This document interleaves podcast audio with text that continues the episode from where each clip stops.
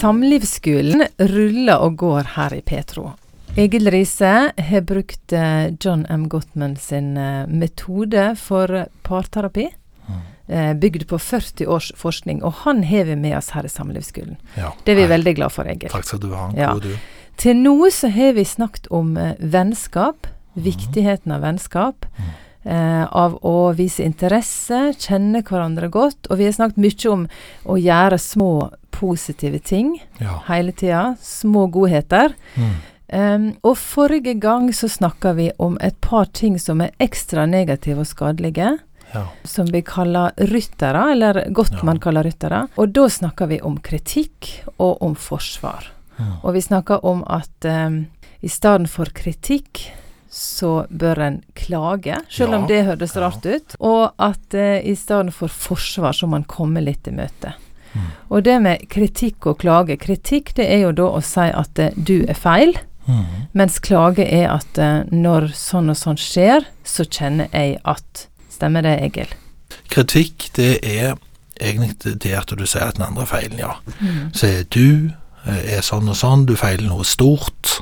Bruker ofte aldri alltid. Og du vet hvis jeg sier du, du, du viser Du gjør aldri et eneste initiativ i vårt forhold. da er det litt vanskelig for deg å nikke. Ja. Så da går du i forsvar. Ja. Eller Så aldri og alltid er på en måte nei-ord. Ja, fordi det liksom Da må den andre gjøre noe Mm. som ikke er bra, den andre òg. Ja. Så det, det setter i sving en masse negative ting.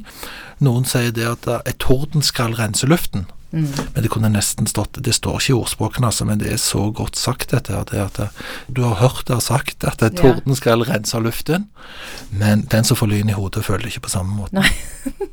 Så når man kritiserer, så, så ønsker man gjerne liksom å si du skulle gjort dette annerledes, og aldri gjør det sånn, alltid gjør det sånn. Så hvis du hadde gjort det annerledes, så hadde vi hatt det bedre. Og du Mm. hadde hatt bedre, alle hadde hatt bedre. Kan ikke du forandre deg? Det var de to rytterne, altså kritikk og forsvar. Og så er det to ryttere til, for det er fire ryttere som Gottmann snakker om. Ja. Og der er noe som heter forakt og barrikadering. Nå skal du, Egil Riise, få lov til å fortelle hva det er.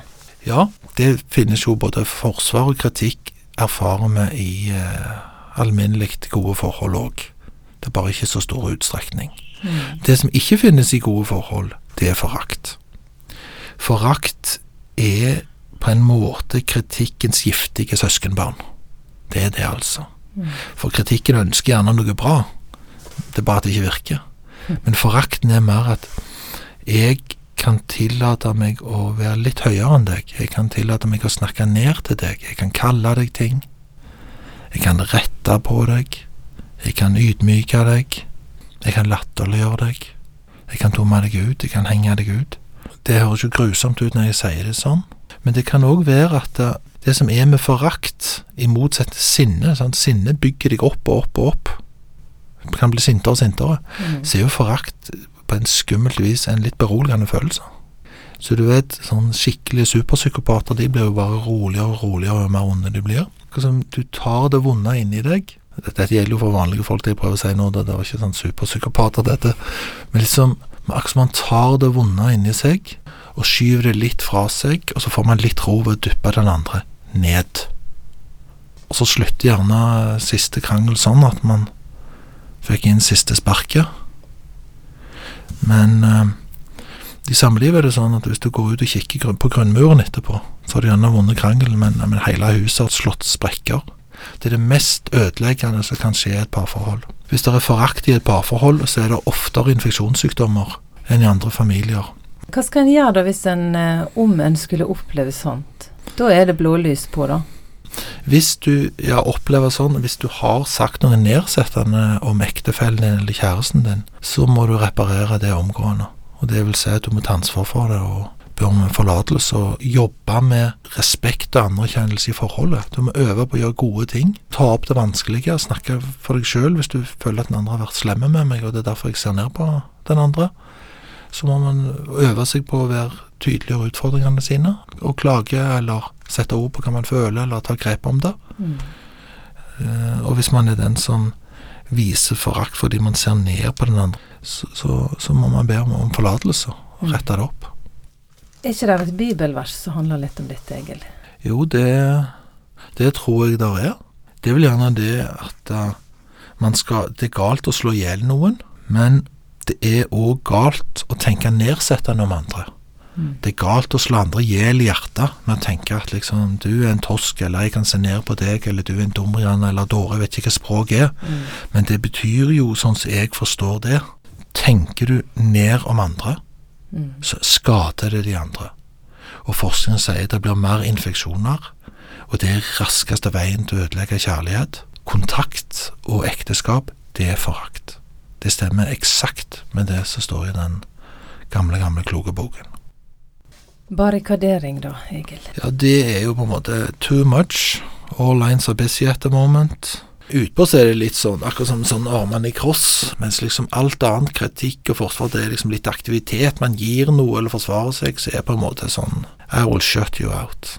Det er taushet. Det er en mur av taushet. Mm. Jeg stenger deg ute. You cannot touch me. I won't give nothing. Ja, prate, prate, tjate, tjate, men jeg har lukt meg av. Det vekker jo en forskrekkelig fortvilelse når noen liksom midt når man snakker om noe som er veldig, veldig viktig, så, så lukker de av og gir ingenting. Så det er jo helt forferdelig. Liksom, kan du elske meg når du ikke gir en prikk?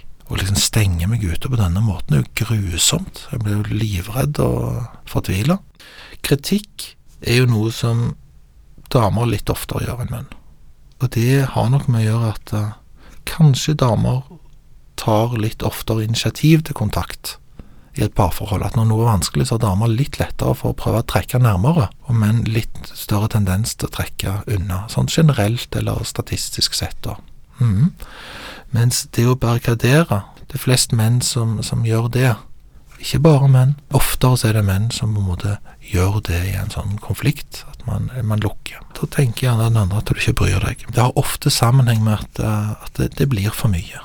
Det er too much, og pulsen stiger. Altså, regelen er jo den at når pulsen overgår 100 slag i minuttet, eller egentlig 25 slag over hvilepuls, da, Anne Birgitte, er det bedre å gå på do og lytte på Petro enn å sitte i stuen og ikke slippe unna fruen. Ja, det kan du få på resept. Fordi når vi er så stressa at pulsen er så høy, så er vår evne til kreativitet ufattelig svekka, og vår sjanse til å reparere en sånn samtale altfor vanskelig. Vi trenger rett og slett en pause. Mm. Så rådet Her er rådet. Mm. Hvis du driver med barrikadering, eller du holder på sånn, så trenger du faktisk en pause. Det betyr ikke at du ikke bryr deg om den andre. Det er faktisk sånn at det å høre på Petro på do, eller lese Donald, og bare få pulsen ned ved adspredelse, eller gå en tur, eller sånn, det er det beste.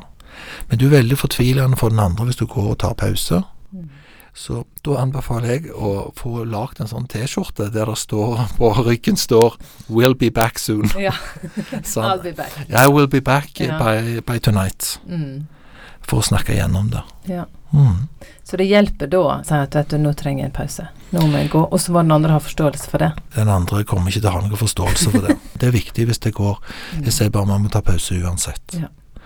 Det som er for at dette over tid i et, et liv skal være godt, så er det jo sånn at hvis man har tendens til å unngå samtaler om viktige ting, og man har tendens til å liksom barrikadere, gå i forsvar, lukke seg, trekke seg unna, Mm. Så er det faktisk veldig misforstått. Men det er ikke sånn at det går over med tiden, eller tiden hjelper, eller vi glemmer det til i morgen, eller når vi ikke tar det opp igjen, så betyr det at det er over. Det blir liggende. Så det er veldig misforstått å ha det som strategi å unngå.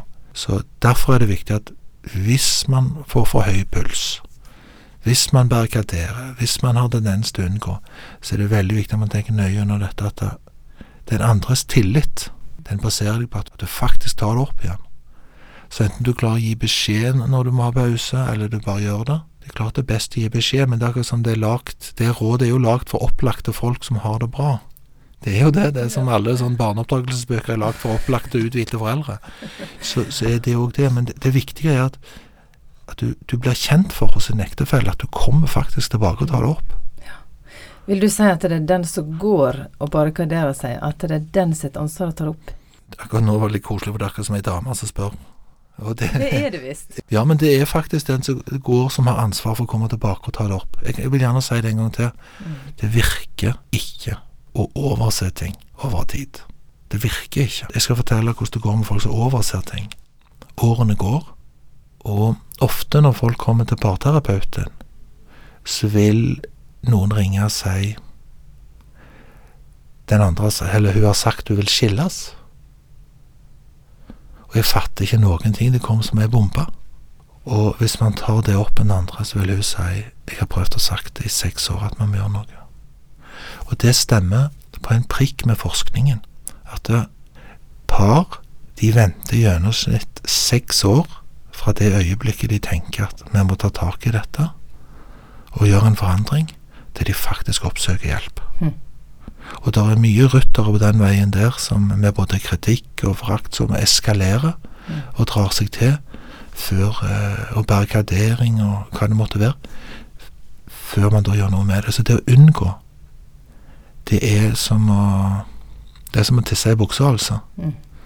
Det varmer en stund, men det Og det lindrer, men det lager mye større problemer på sikt. Så det, det er en tankefelle å tro at unngåelse bra. Men det er sånn at man bør komme tilbake, Mm. og kanskje man skulle kjøpe ei T-skjorte der det står 'I will be back within 20-40 minutes'. Ja. Så ta grep er rådet egentlig fra Egil Riise til deg. Ta grep, prøv å snakke med noen, prøv å sette ord på for deg sjøl din virkelighet, sånn at du kan klare å komme i en posisjon og dele hva du tenker, eller klare å lytte, eller Prøv med de små tingene i dag. sant? Kikk på Nanik litt som en golden retriever. Si, spør om hun kan hjelpe deg til å forstå. Eh, sp- Spør kan vi snakke om det på en litt mildere måte. Jeg vil gjerne høre. Du er viktig for meg. Eller hva trenger du nå? Hva trenger du nå? Her er parterapeutens nødpakke. Mm. Det er at mens du av og til, når den andre er fortvilet, og, og du har altså tendens til å gå i forsvar eller trekke deg, så kan du tenke at liksom, Oi, dette var veldig mye og veldig stort og veldig umulig. Men oftest, hvis du spør den andre hva kan jeg gjøre de neste fem minuttene, så vil det gjøre det litt lettere for deg. Så er det ofte den andre har et svar.